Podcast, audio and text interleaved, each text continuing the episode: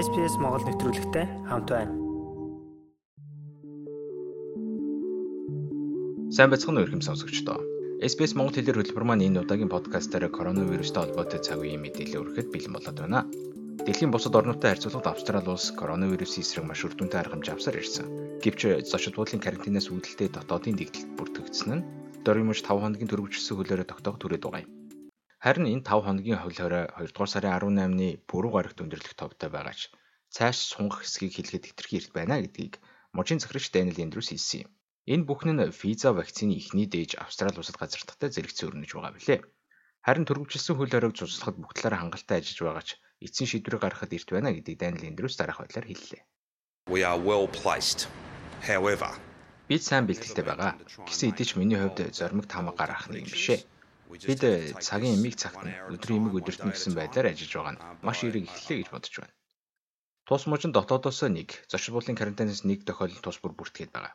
Өнгөрсөн нийгмийн гарагт эхлүүлсэн 90 сурвалжлах ажиллагааны явцад энэхүү дотоодын нэг тохиолдлыг илрүүлэн бүртгэсэн нь хойлодын зочид буудалд гарсан голомттой холбоотой байгаа юм. Тухайн тохиолдлыг 2 дугаар сарын 13 болон 14-нд нийт 4 удаа шинжилгээнд хамруулахад эхнийх дээр нь сөрөг, сүүлийнх дээр нь суулхан эерэг гэсэн үр дүн гарсан байна.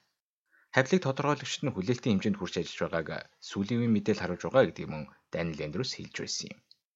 The most recent data set of 930 2 сарын 11-ны байдлаар нийтээ 933 ойрын тохиолдлыг бүртгэсэн байдаг. Тэдгээрийн 931-тэй удирдамж стандартын дагуу 48 цаг дотор холбоо тогтож чадсан нь 99.8% үр дүн. Энэ бол маш сайн үр дүн. Өчигдөр хүлээн авсан мэдээлэлээр 7 өдрийн хугацаанд харуул 98.7% байгаа. Харин бүх үр дүн нэгтгэхэд харуул 97.2% үр дүнтэй байгаа нь шаардлагатай хэмжээс илүү гарч үзүүлэлт юм. Викторийн мужийн эрүүл мэндийн ерөнхий мэрэгжилтэн Брэд Сатны зүгээс хөл хорой тавих нь үнэхээр зайлшгүй алхам байсан эсэхд хариулж өгсөн юм. Түүний хувьд Мельбурны нисэх буудлын 4-р терминал дээрх кофе шопын ажилтан дээр үндэслэн энэхүү шийдвэрээ гаргахад хүрсэн гэдгээ хэлж байлаа. Imagine if that Brunetti worker and their close contacts Брунетигийн ажилчин болон түүний ойрын хавьлыг бүгд сөрөг гарсан гэж төсөөлөв. Халдварлах байдал нь ч бага байв. Гэвч маш өндөр халдварлах чадвартай байсан бол яах байсан бэ? Бид нар 7 хоногийн дараа л тэдний ойрын хавьлыг сөрөг болохыг мэдэж авсан. Харин тухайн хугацаанд тэр терминалаар дамжин өнгөрсөн 4000 хүнээс цөөнгөө хүмүүс нь ирэг гараад байгаа. Хойлодын зочид буудал дахь голомтын хувьд хүндлбэрийн астамтай хүн амьсгалын аппарат хэрэгснээс үүдэж дотоод талбар тарсан гэж үзэж байгаа. Өнгөрсөн 7 хоногт мужийн захирагч Эндрюсийн зүгээс аппаратыг ашиглаж болохгүй гэдгийг тухайн иргэнд өөрчлөн сануулсан байсан гэдэг хатуу мэдээллийг хийгээд байгаа билээ. Харин эрчим зэмжилгээнд шилжих хүртлээр муудсан тухайн хүний хувьд хоёр тохиолдолд тус амьсгалын аппаратыг ашиглаж болох зөвшөөрлөг авсан гэдгээ хэд хэдэн хэвлэлээр мэдэгдээд байгаа юм. Харин Викторийн мужийн COVID-19-ийн карантиныг хариуцсан ажилч Эма Касер энэ кейс төр хийсэн аудитын дүнд тухайн иргэн амьсгалын аппарат ашигласан гэдгийг карантины багт мэдэгдээгүй гэж хэлж байна. Карантинд байсан иргэний хувьд мужийн захирагч Даниэл Эндрюсийг өөрөөс нь уушлах ёстой гэж үзэж байгаа юм. Иймгүй түүний яриаг хоолойг нь өөрчилсөн хэлбэрээр хүргэж байна. Викторийн мужийн зочид буудлын карантин дээд зэргийн стандарт үржиж байгаа гэсэн Даниэл Эндрюсийн мэдээллийг харсан. Хамгийн гол нь Эндрюсийн захиргаанаас надтай ганц шудаа холбогдож миний нөхцөл байдлаас юу болсон талаар огт сонсоогод үнэхээр гайхаж байна. Дээд зэргийн стандарт гэдэг дангац өөрийнхөө их сурвалжаас мэдээлэл авах бус. Бүх их сурвалжаас баримт цуглуулахыг хэлэх баха. Засгийн газраас зочид буудлын карантины хөтөлбөрт хамрагсан олон хүнтэй холбогдож үйл ажиллагаагаа сайжруулах байхаа гэж найдаж байна. Ингэж байж л илүү олон австралчуудаа их оронд аюулгүй авч ирэх боломжтой болно.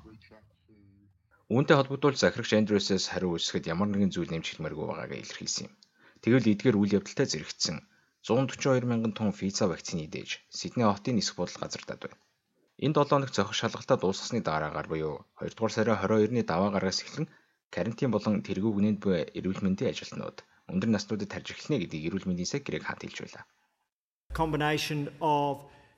Хилийн шалган карантин болон тэргүүгнэнд байгаа эрүүл мэндийн ажилчид өндөр наст хөгжлийн бэрхшээлтэй иргэдийн асрамжийн төвүүдийн орсон суугчид болон тэдгээрийн ажилчдад холимог байдлаар тарина.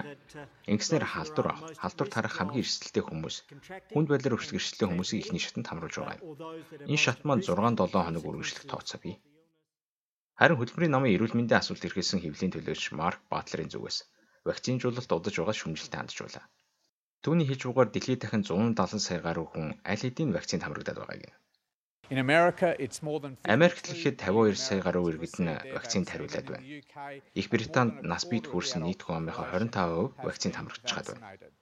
Америкийн нэгдсэн улс Их Британь болон Европын хэмжээнд виза вакциныг хүлийн зөвшөөрснөөс 7 хоног хүрэхгүй хугацаанд хүмүүсийн гарт хүрч байна. Австралийн засгийн газраас вакцинжуулалтыг 5 үе шаттгаар хийхээр төлөвлөд байгаа бөгөөд хамгийн түрүүнд эрсдэл бүлгээ дархлаажуулах хадлагыг барьж байгаа. Ингэхдээ бүх орсон суугчдад үн төлбөргүй вакцинд хамруулахыг шийдвэрлсэн ба. Түр оршин суух үедээ иргэд оюутнуудын хувьд дөрөвдүгээр үе шатанд вакцинд хамрагдах төлөвтэй байгаа билээ. Хэрв та COVID-19 сар дахлын талаарх эрүүл мэндийн болон тусламжийн арга хэмжээний талаарх мэдээллийг хил дээр авахыг хүсвэл SBS.com.cg-ийг дашуураас коронавирус гэсэн захин хуудасаар зочлоорой. Австрали улсад амьдарч эхлэх гэж байна уу? Хэрэгтэй мэдээллийг SBS.com.cg-ийг урагшаа зураас Mongolian хуудасаас хүлээн авах нь